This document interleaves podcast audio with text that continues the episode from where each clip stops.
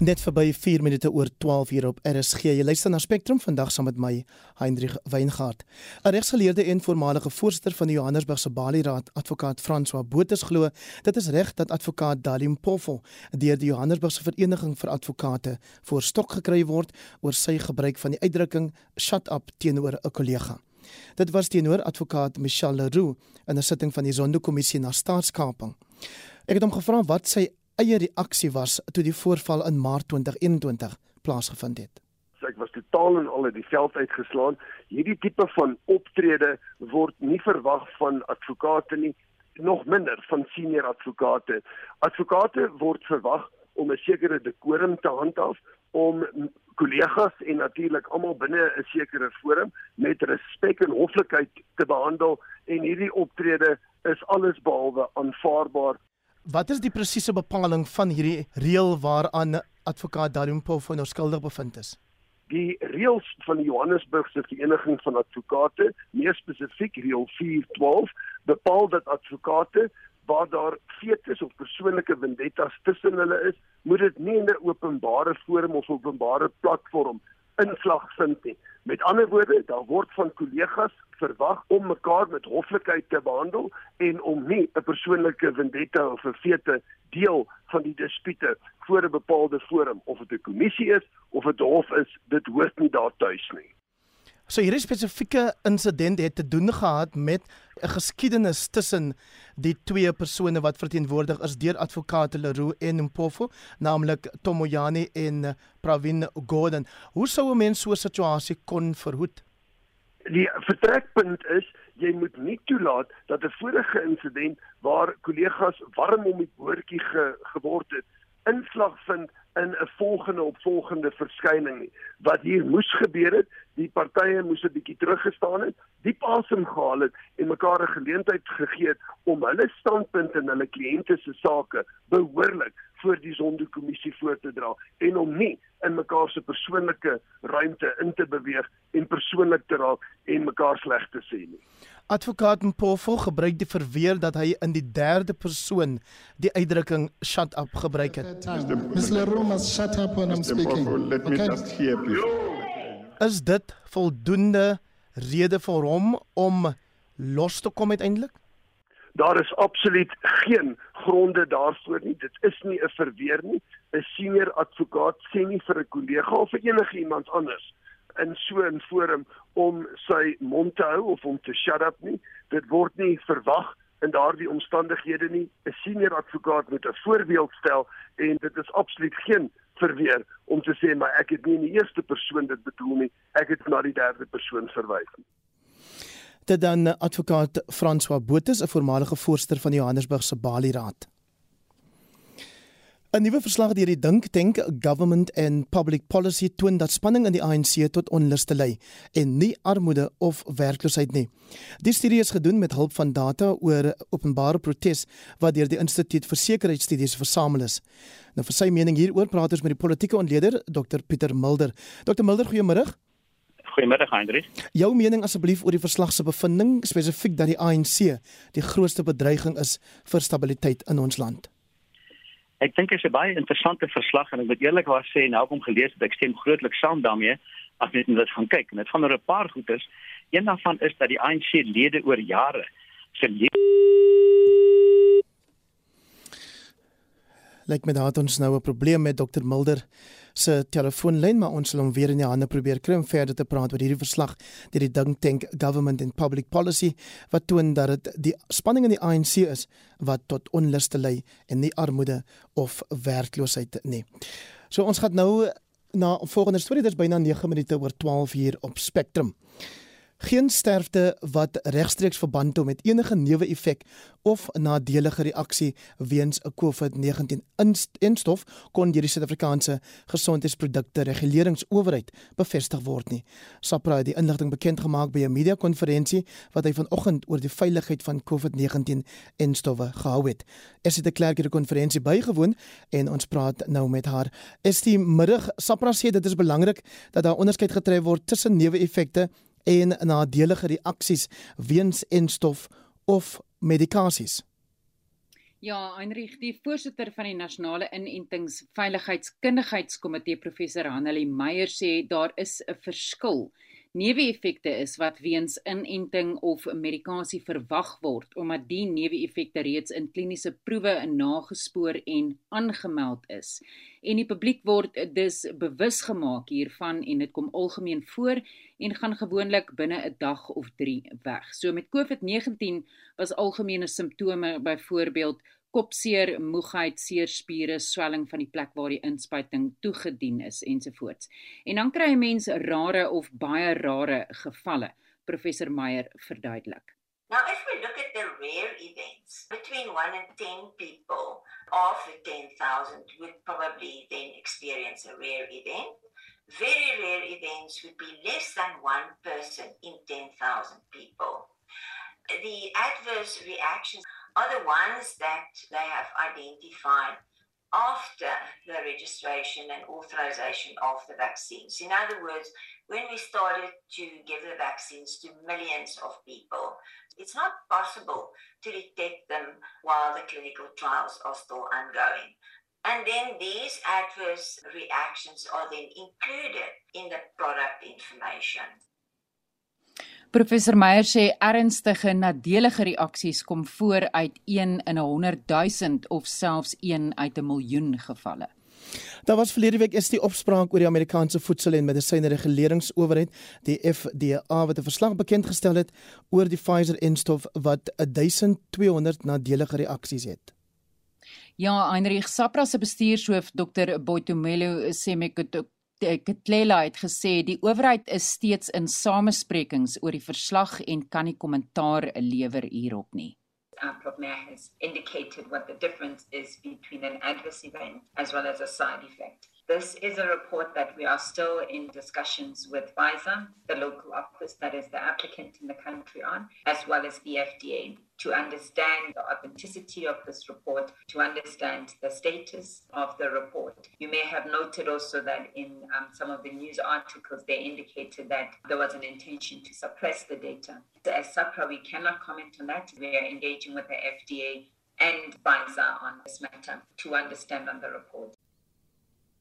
Nou professor Annelie Meyer sê dit is belangrik dat die publiek besef SAPRA volg alle neeweffekte en nadelige reaksies op wat in verband met COVID-19 en stowwe aangemeld word en doen die nodige navorsing daaroor soos wat SAPRA se prosesse vereis. The vaccines are really very safe. In terms of the causality assessment, no deaths have been linked to be caused by the vaccine. And in terms of product related reactions, I'm speaking under correction. I think we have about nine cases, which was like a severe reaction to the product that we have identified. So if you look at how many million doses we have already administered in the country, you can see it's in line with what we see in terms of the product information. En dit was die voorsitter van die nasionale inentings veiligheidskundigheidskomitee um, professor Annelie Meyer. En dan is dit wat vir ons SAPRA se media konferensie bygewoon het. Die horlosie staan nou op 12:13, 13 minute oor 12. En soos wat ek vroeër genoem het, het 'n nuwe verslag deur die Dink Tank Government and Pol Public Policy getoon dat spanning in die ANC tot onluste lei en nie soseer armoede of werkloosheid nie. Ons het nou weer vir Dr Pieter Mulder, deesdae politieke kommentator, voorheen partyleier in die parlement op die lyn. Pieter, jy wou sê jou reaksie op hierdie bevinding in hierdie verslag? Ja, jammer eintlik, ek weet nie waar ek weggeraak nie. Ek weet nie wat ek gesê het wat jy, jy beter nie. praat nou dat jy terug op die lyn. Kom ek sê gou-gou. Ek stem nog in groot mate saam. Ek vind dit 'n baie interessante verslag. Ek dink 'n klompie goed in feite omset wat ek dink ons aangevoel het nog altyd. Die een daarvan is dat protesaksie en wel gewelddadige protesaksie is nie deur die ANC uh, eintlik probeer afkoel of waar kan nie, maar eintlik aangemoedig oor die jare.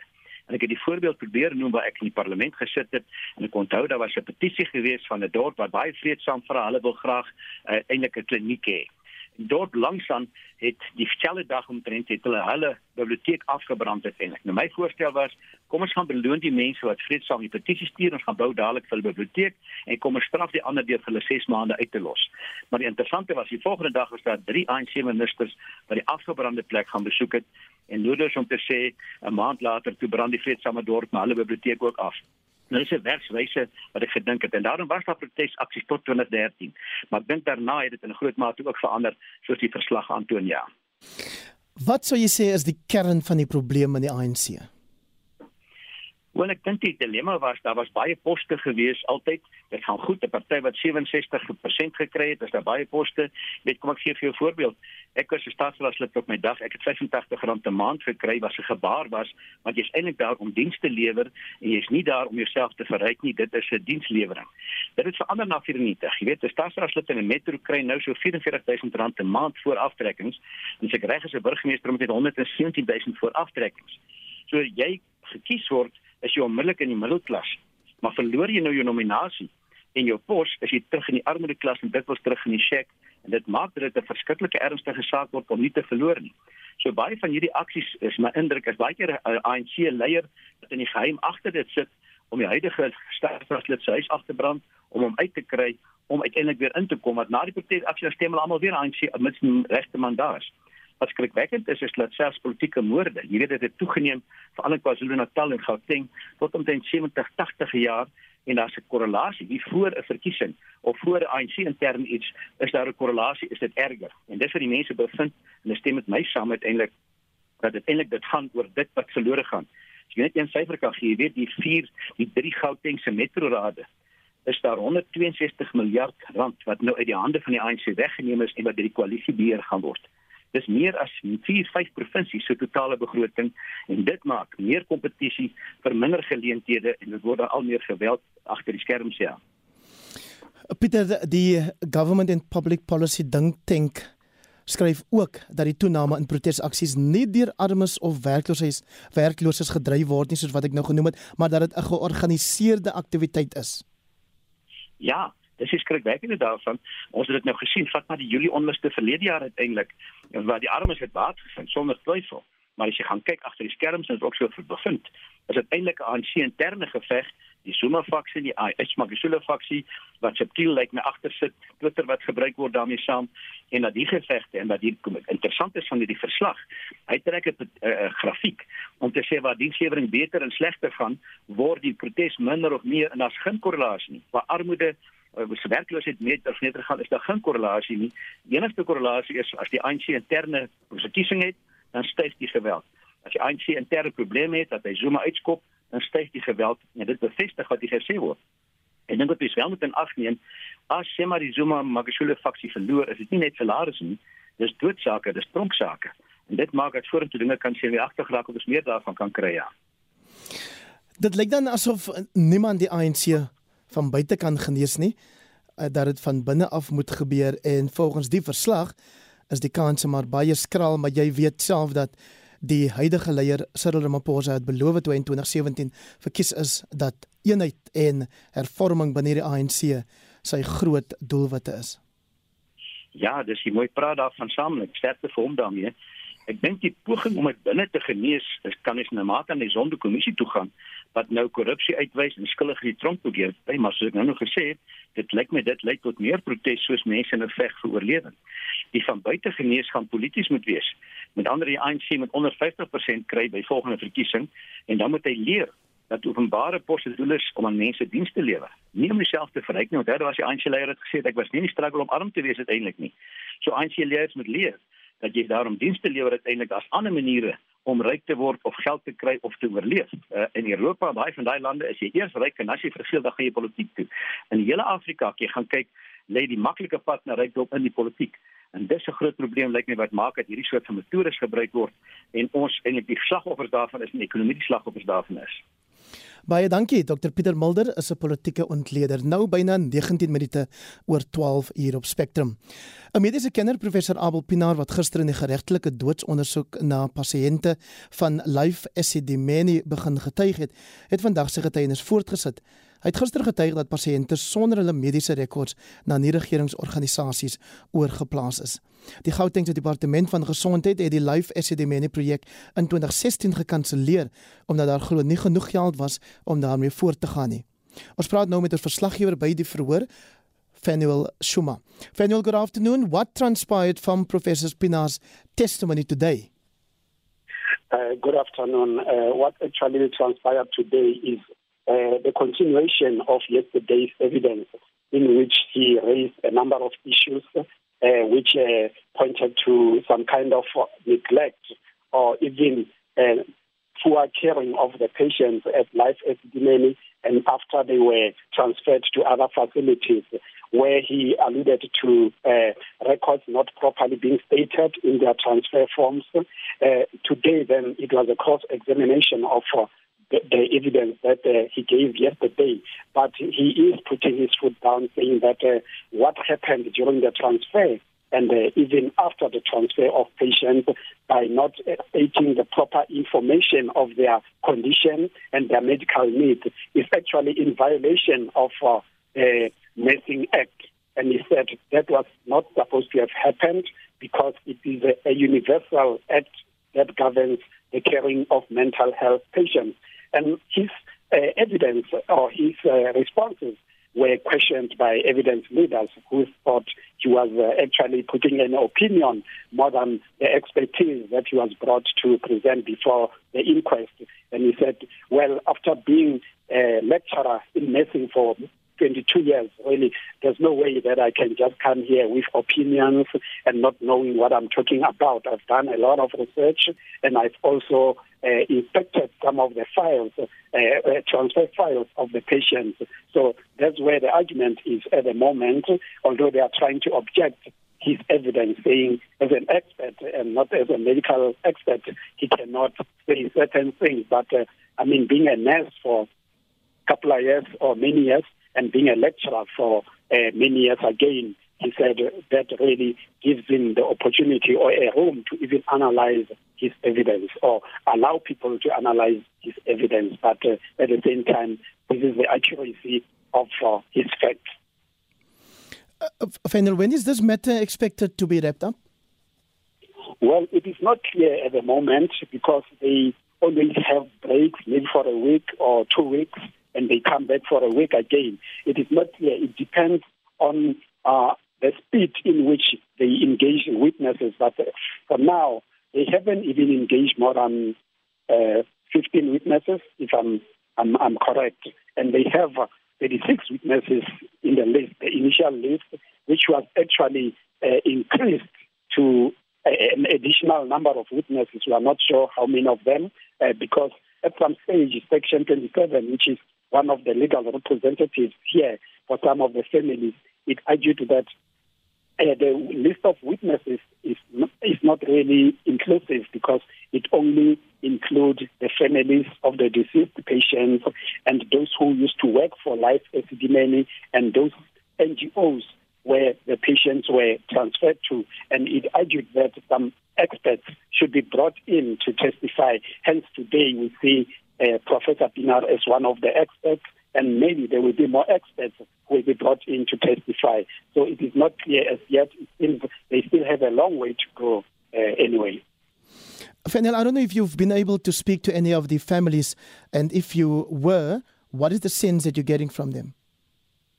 Well, uh, since this is virtual, we are not in physical contact with the families, and we are not even in contact with their legal representatives except to follow uh, the proceedings through the virtual proceedings. And uh, also, because this inquest actually is like a court proceeding, like a court hearing, so you can't even interview them during these proceedings. Thank you very much. Dit ons verslaggewer Faniel.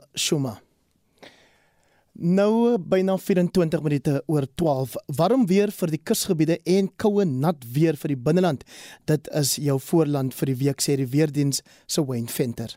Ons het 'n bietjie van 'n koue front wat oor die suidelike gedeeltes en die suidoostelike gedeeltes van die land beweeg by die afgelope paar dae. Dit koeler weer ingebring het veral oor die Wes en die Oos-Kaap na baie bloedige warm temperature die afgelope 2 weke. Die koeler lug en vochtige lugbewegings oor die oostelike helfte van Suid-Afrika van vandag af. En dis hoekom dit so bewolking koeler af is oor die oostelike helfte van die land. Um, en dit gaan voortduur vir die volgende paar dae. So ons sien goeie kanse vir reën veral oor Mpumalanga, Gauteng, gedeeltes van Limpopo, asook KwaZulu-Natal en die oostelike gedeeltes van Noordwes provinsie vir volgende ten minste 2 tot 3 dae tot en met omtrent so donderdag se kant toe. En dan kan die reën dan verder weswaarts uitbrei tot die sentrale gedeeltes van Suid-Afrika hier rondom die naweek. Hoe baie reën kan ons verwag? Wel, ons het 'n waarskuwing uit vir vandag en dan ook vir môre vir die gedeeltes van Mpumalanga, vir Gauteng, asook gedeeltes van Limpopo. En dit was weer nie reën meer staan van tussen 20 en 40 mm wat kan voorkom oor daai gebiede vir die volgende 2 dae. So daar is 'n moontlikheid van Fransvloede veral oor gedeeltes van Gauteng, Limpopo en Mpumalanga vandag en môre. Dan Wayne Venter, hy's 'n voorspeller van die Suid-Afrikaanse weerdiens en ek wil daarom net sê as 'n Kaapenaar hier in Gauteng, gee ek glad nie om oor die reënweer wat voorspel word nie. En nou byna 12:32 oppositiepartye het vanoggend by die parlement vergader oor dringende nasionale kwessies insluitend die rampstaat, die ekonomie en die Zondo-kommissie se verslag. Om te hoor wat die uitkomste was, verwelkom ek nou die leier van die amptelike oppositie, John Steenhuisen van die DA. Meneer Steenhuisen, goeiemiddag. Watter partye was almal teenwoordig en wat was op die agenda? Ja, baie dankie. Ja, dit was 'n baie goeie uh, vergadering saam met oppositieleiers uh, wat in die parlement uh, is om te te praat oor 'n paar dinge waar ons is bekommerd wat gebeur in die parlement en in eers in die land uh, en ons het selfs 'n paar besluite gemaak hoe ons sal daai uh, daai daai dinge hanteer in die parlementêre konteks van uh, van die oppositie. Uh, ek dink dit is baie dis 'n baie gesonde ding om ehm um, vergaderings soos hierdie te hê en ons het besluit dat ons sal in die voorkomende maande ook seker maak dat ons ons hierdie vergaderings hou om seker te maak dat ons kan saamwerk ja. waar ons het uh, dinge waar ons uh, ons ons staan saam. Jou reaksie John op die verlenging vanoggend van die rampstaat. Ek weet dis 'n kwessie waaroor julle as die DA glad nie gelukkig was tot nou toe nie. Ons is nie gelukkig nie en dit is die eerste uh, belofte van meneer president Ramaphosa wat hy nou gebreek het. Hy het vir ons gesê dat uh, hierdie uh, toestand van ramp sal tot 'n einde kom, maar ons het gesien en, en so uh, 2 jaar gelede gesê het die regering sal uh, sal uh, krag proef wat hulle sal nie baie baie maklik opgee nie. En ons sien dit nou. Hulle hou van die feit dat ons uh, dat hulle kan ons mense op hulle knieë hou uh, terwyl hulle besluite maak en sit met al hierdie mag uh, om om om te besluit waar mense kan gaan, wat hulle eers moet dra as hulle sportwedstryde kon uh, kon uitkom. En ek dink ons sal sien dat meneer Ramaphosa se regering so baie baie um, on, onmaklik om seker te maak dat hulle daai mag gaan opgee. En dit maak nie sin nie om hierdie toestand van ramp in plek te hou want ons sit nou met die laaste doodsyfers uh, wat ons uh, alreeds gesien het okay. Mhm. en daar's geen rede in ons in 'n uh, toestand van ramp te hou. Daar's niks van ons kan nie doen um, met uh, met regulasies en alles en dit maak nie sin nie dat dat die regering sit op die mense se koppe alweer vir nog 'n maand. Is die DA steeds vasbeslote om 'n sukses van julle mosie van wantroue in die kabinet te maak, maar dat president Ramaphosa sê julle maar kan aanbly in sy pos? Ja, want ons sien by die ons sien die keuse wat wag in die ANC om om meneer Ramaphosa uh, se plek te vat en ons sien mense soos Didi Mabuza, Lindiwe Sisulu en anders en ek dink daar sal rampspoedige gevolge wees as enige van daai mense in die president se kantoor sal instap. Maar ons sien ook dat ons het een van die grootste kabinette in die wêreld en ons sien dat daai kabinetministers kan nie eers die basiese dinge wat hulle moet regkry in hulle in 'n portfolios kry reg nie. En dis hoekom ons sit met met hierdie gevolge in Suid-Afrika waar ons niks werk, alles gebreek is want ons het ministers wat doen nie eers hulle werk. Ons sê dis nou tyd vir meneer Ramaphosa om die diewe, die mense wat kan nie hulle werk doen, die lei mense uit sy kabinet te, te skop om 'n klein kabinet in te bring wat kan fokus op die dinge wat moet regkry in Suid-Afrika. Ons sal geen verandering in ons land sien met dieselfde mense wat sit rondom dieselfde tafel wat ons vir die eerste ons in hierdie moeilikheid geland het. Ons sal niks verander met hierdie mense wat rondom die kabinettafel sit. En ek dink mense rondom die land en ook in in, in, in burgerlike organisasies moet nou saam staan met hierdie mosie van wantrou. En vir meneer Ramaphosa sê genoeg is nou genoeg. Ons gee vir jou nou 'n kans om dit reg te kry. En jy moet eers hierdie mense skors wat doen die eerste werk wat uh, betrokke is by staatskaping, uh, wat steel mense se geld en doen die eerste hulle werk nie. En ek dink hierdie mosie moet 'n mosie van die mense op Suid-Afrika wees om 'n kans te om hulle stem dik te maak teen meneer Ramaphosa se kabinet wat soveel ehm um, uh, um, um, moeilikheid in die land maak. En die feit dat mense sit met werkloosheid, armoedigheid en staatsdienste wat nie eers werk. John, kan jy asseblief vir my 'n kort antwoord gee op hierdie lang vraag? Jy het verwys aan die begin daarna dat julle as oppositiepartye nou besluit het julle gaan binne die parlementêre proses nouer saamwerk. Maar is oppositiepartye ten spyte van die koalisie kopseer wat ons in metros sien tog in staat om vorentoe 'n meer verenigde rol op nasionale vlak te kan speel? Ja, definitief, want ons het baie duidelik gesê dat daar is dinge waar ons sal nie saam staan. En dis dis okay, dis nie 'n probleem nie. Maar ons soek daai ehm um, daai artikels waar ons kan saam staan in saamwerk. Byvoorbeeld, hierdie staat van eh uh, ramptoestand dit is uh, een ding waar die oppositiepartye staan saam. En dit maak nie saak nie as dit die PAC of die EFF of die DA of die Vryheidsfront of die EFF is dat ons staan dat hierdie dit maak nie sin nie om ons land in 'n in 'n toestand van ramp te hou. Daar is dinge waar ons uh, ons glo ook dat ons is baie bekommerd oor die verslae van Zondo van die empatie kommissie. Uh, eers meneer uh, Mufamani se kommissie oor die uh oor die oor die feite oor ons ehm um, sekuriteitsdienste. Daar is dinge waar ons kan saamkom om in die beleid van die mense van Suid-Afrika en die beleid van ons Goed. demokrasie seker te maak dat ons kan saamwerk. John Steenhuisen baie dankie vir jou tyd vanmiddag. John Steenhuisen is die leier van die DA, die amptelike oppositie.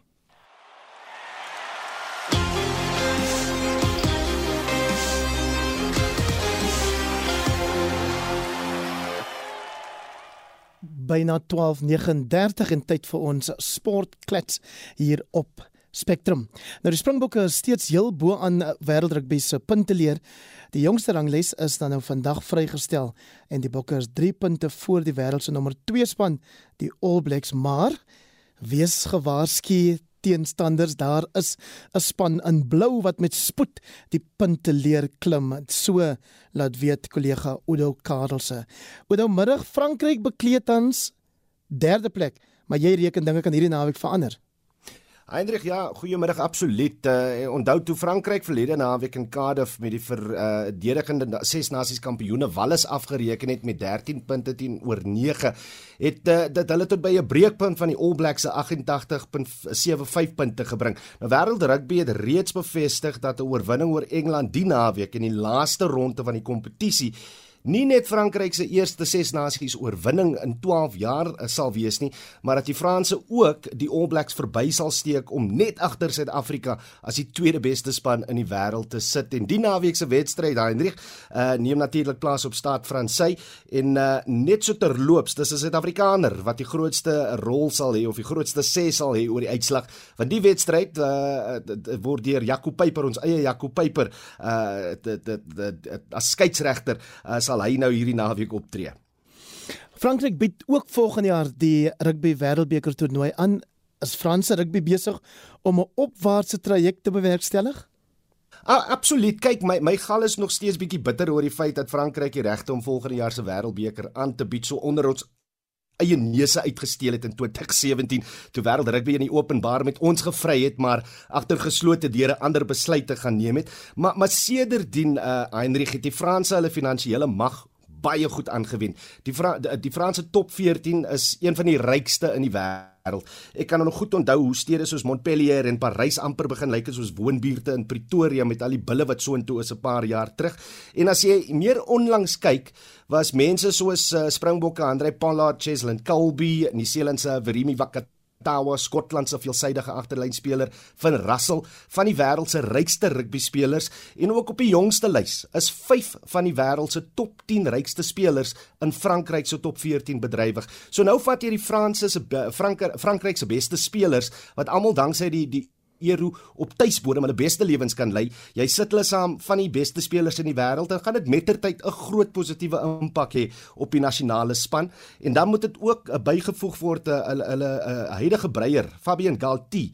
Uh, hy hy hy het so 'n uh, uh, fantastiese innoverende struktuur aangebring in 'n span wat oor die jare maar altyd gesien is as onvoorspelbaar. En en hulle sit ook met 'n goue generasie van spelers, spelers soos Romain Ntamak, Gail Fiku, Antoine Dupont, uh, Cyril Bayi, Demba Bamba, as hulle nie die beste spelers in hulle posisie in die wêreld is nie, dan is hulle ten minste so in die top 2 of 3. So so dit strook almal baie of alles baie baie goed met hulle status as volgende jaar se gasheer vir die rugby wêreldbeker indrukwekkend moet ek sê die wyse waarop jy daai Franse name uitspreek, maar kom ek maak dit nou veel makliker en ons hou by die Afrikaanse. Nou, hier op tuisbodem sien ek SAK Sport maak gereed vir rugby op 'n heel ander vlak die naweek en dit is naamlik dat die eindstryd van die Oos-Kaapse Super 14 stuur af daar op 'n monumentale kragmeting tussen die klubs Harlequins en uh, Progress. Hoe belangrik is dit dat hierdie soort wedstryde plaasvind en uitgesaai word? Wie Heinrich as jy nou nog nie die geleentheid gehad het om uh, SAIK se Heritage Cup rugby te kyk nie, maak eenvoudig die naweek 'n plan om SABC 2 3 uur in die middag te gaan kyk want ons fokus na as jy dit uh, laat verlede jaar op wat on, on, on ons klub rugby strukture aangaan en en ek is daar vandag een bedryf wat uh, daarmee en is verblywend om te sien hoe rugby wat binne ons gemeenskappe gespeel word al hoe beter word danksy 'n nasionale televisieplatform. Die naweek se finaal is uh, soos jy nou uh, gesê het uh, tussen Harlekyne en uh, van Kleiberga. Uh vir, vir wie mense soos Ricardo Loupser, Dion Keiser, Tando Manana en selfs ons oud uh, bokbreier Alistair Kutse uitgedraf het. Uh eerder as speler of of as as as uh, coach en en progress van Utenaig of terwyl Kariga wat 'n paar jaar terug met 'n span wat meestal bestaan het uit manne wat saamgewerk het in dieselfde fabriek met die maties afgereken het en en dis wat ek dink so aanloklik is vir die kykers. Dis mense, ons mense wat maandag tot Vrydag nes ons almal soeg om 'n lewe te maak vir ons families en dan Saterdag, soos veral hierdie Saterdag, 'n kans het om op die nasionale uitsaaier 'n rugbyhal te wees. En uh, dan laastens vir ons nasionale mans en vroue kriketspanne 'n groot week wat voorlê.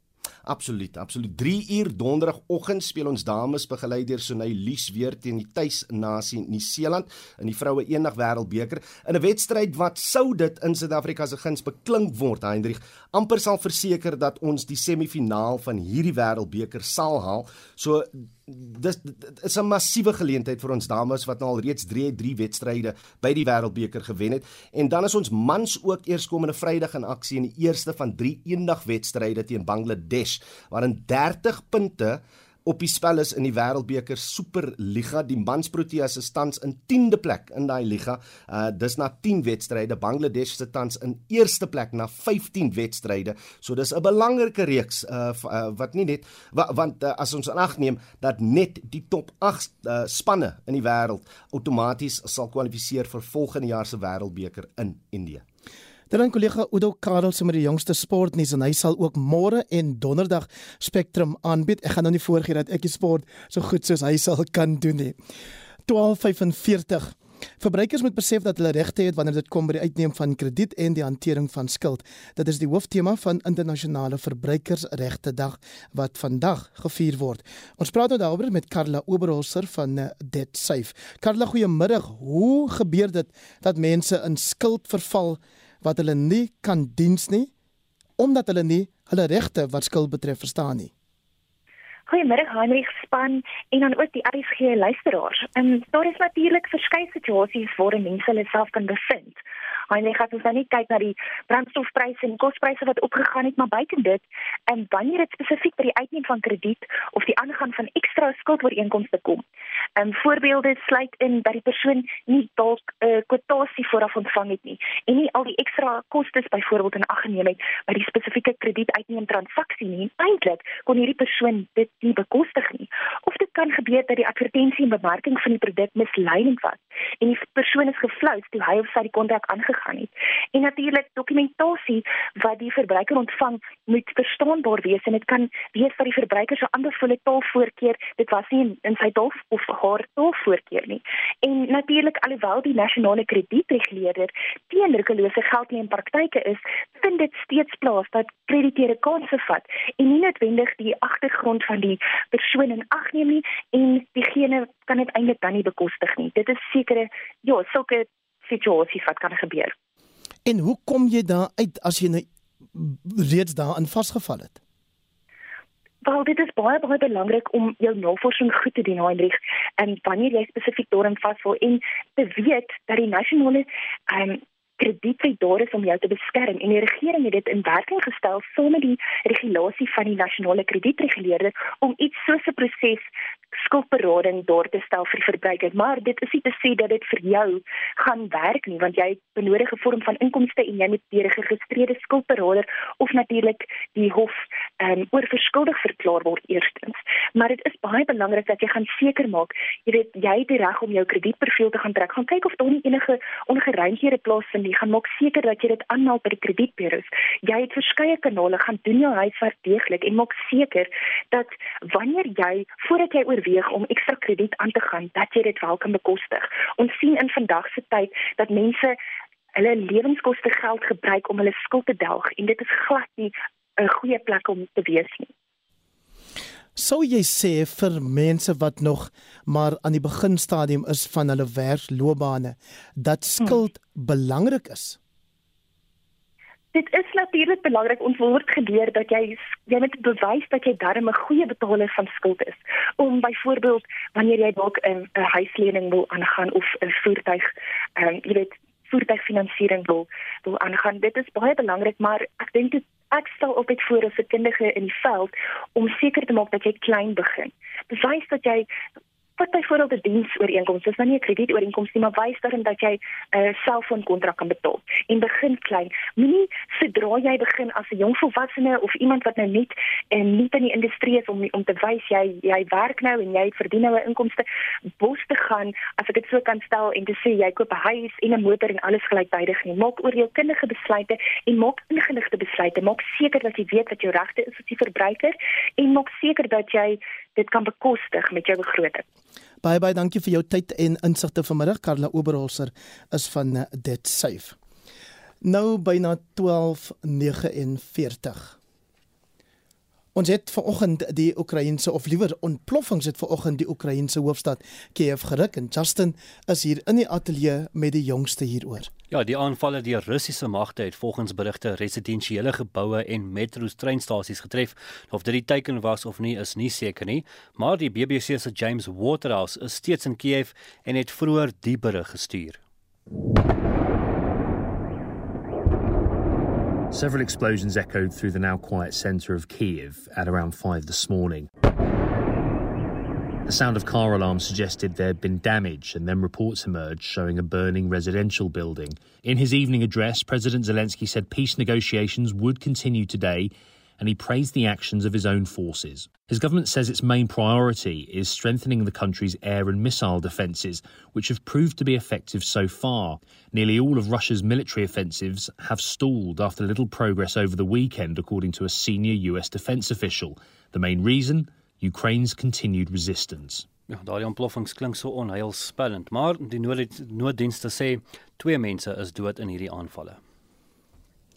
In 'n uh, ander verwikkeling, die eerste minister van Pole, die Tsjechiese Republiek en Slovenië sal almal later na Kiev reis om president Volodymyr uh, Zelensky te ontmoet. Ja, en die besoek is deur die Poolse regering bevestig. Die doel hiervan is om onomwonde steun van die hele Europese Unie te werf vir die soewereiniteit en onafhanklikheid van Oekraïne. Hulle wil ook 'n breë ondersteuningspakket vir Oekraïne en sy burgers aanbied. Nou ons is nog heeltemal seker wat in hierdie pakket sal wees nie, maar dit sal seker mettertyd um, uitgelek word. Justin dan gons dit ook nog oor 'n Russiese redakteur Marina Ovsianikova se optrede gisterand. Ja, sy het tydens 'n regstreekse nuusuitsending op die staatsbeheerde Channel 1 op die stel gehardloop en agter die nuusleser gestaan met 'n plakkaat wat lees: "Geen oorlog, stop die oorlog." Uh, en sy het uh, ook uh, hierdie boodskap opgeneem ure voor sy in hegtenis geneem is. What's going on in Ukraine now is a crime, and Russia is the aggressor. The responsibility for this aggression falls on the consciousness of one man. That man is Vladimir Putin. My father is Ukrainian, my mother is Russian. They were never enemies. Sadly, during the past few years, I worked at Channel 1. I spread the Kremlin propaganda and I'm very ashamed of this. Mense van reg oor die wêreld, sowel as in Oekraïne en in Rusland, het haar Facebookblad oorval met positiewe kommentaar waarin sy bedank word vir haar optrede. En ons bedank jou vir hierdie jongste nuus uit Oekraïne, Justin Kennerly. Nou 12:52 vandag se sake nuus word aangebied deur Armand De Beer, hy se portefeuljebestuurder by PSG Wealth Pretoria Oos. Goeiemôre en middag aan die luisteraars. Op die valutamarkte is die rand effens op die agtervoet en verhandel tans R15.14 teenoor die dollar, R16.64 teenoor die euro en R19.73 teenoor die pond. As ons kyk na kommoditeite, staan die goudprys tans op 1928 dollar per fyn ons, die platinumprys staan op 1015 dollar per fyn ons en die olieprys staan op 100 dollar 62 per vat. Aandelemarkte wêreldwyd daal verder vandag aangesien 'n kombinasie van stygende COVID-19 gevalle in China, die oorlog in Oekraïne en bekommernisse oor die Federale Reserveraad wat rentekoerse hierdie week vir die eerste keer sedert 2018 gaan verhoog, alles die vertroue van beleggers knou. Tans verhandel die FTSE 100 1% laer, die Franse CAC 40 verhandel 1,9% laer en die Duitse DAX verhandel 1,8% laer. Op die plaaslike front daal ons mark ook vandag en die JSE algehele indeks verhandel 2,8% laer op 69900 punte. Onder die swaargewig maatskappye in die indeks verhandel Richmond 3% laer en die N daal met 2% en Sibanye-Stillwater verhandel 1,2% laer. Die afverkoop van Naspers en Prosus duur voort na die nuus dat Tencent 'n rekordboete in die gesig staar nadat China se sentrale bank ontdek het dat WeChat Pay teen geldwasery reëls oortree het. Naspers en Prosus verhandel onderskeidelik 10% en 11% laer. As ons kyk na die indekse, verhandel die Hulbron indeks 3% laer met Anglo American plc en Glencore wat beide meer as 4% daal en BHP Group verhandel 3% laer. Goudmynbou aandele is ook onder druk met Anglo Gold, Harmony en BRD Gold wat almal tussen 4 en 5% laer verhandel. Die nywerheidsindeks daal met 3,8% en die finansiële indeks verhandel 3,2% laer met die banke Absa, Capitec, Standard Bank en Nedbank wat almal rondom 1,5% laer verhandel. Onder die wenners vandag styg Sun International se aandeleprys met 5,5%. Advitech styg 3,3% en Telkom verhandel 1,5% sterker. Dis al van my kant af en daarmee die einde van die sake nuus. Baie dankie daaraan Armand De Beer portefeuljebestuurder by PSG Wealth Pretoria Oos. Mosambiek het 'n nuwe eerste minister, maar sal Adriano Maliane 'n rol kan speel in die stryd teen terreur in ons buurland. Justin Kennedy het gaan kers opsteek by Willem Els van die Instituut vir Sekuriteitsstudies in Pretoria vir die jongste oor die konflik. Hoewel daar redelike suksesse vanaf die Sanlam kant en ook met die Rwandese kant is, hulle sukkel bietjie om regtig die impak te maak wat hulle sou verwag het om te maak om die dominansie daar te toon wat die hele situasie net op 'n einde kan bring. Wat ons sien daar is dat hoewel Rwanda net twee distrikte soort van polisieer en beheer, het hulle ongeveer 2500 mense op die grond wat dit doen. Terwyl sommige op die oomblik met ongeveer minder as 2000 mense, ongeveer 15 van die ander distrikte moet polisieer.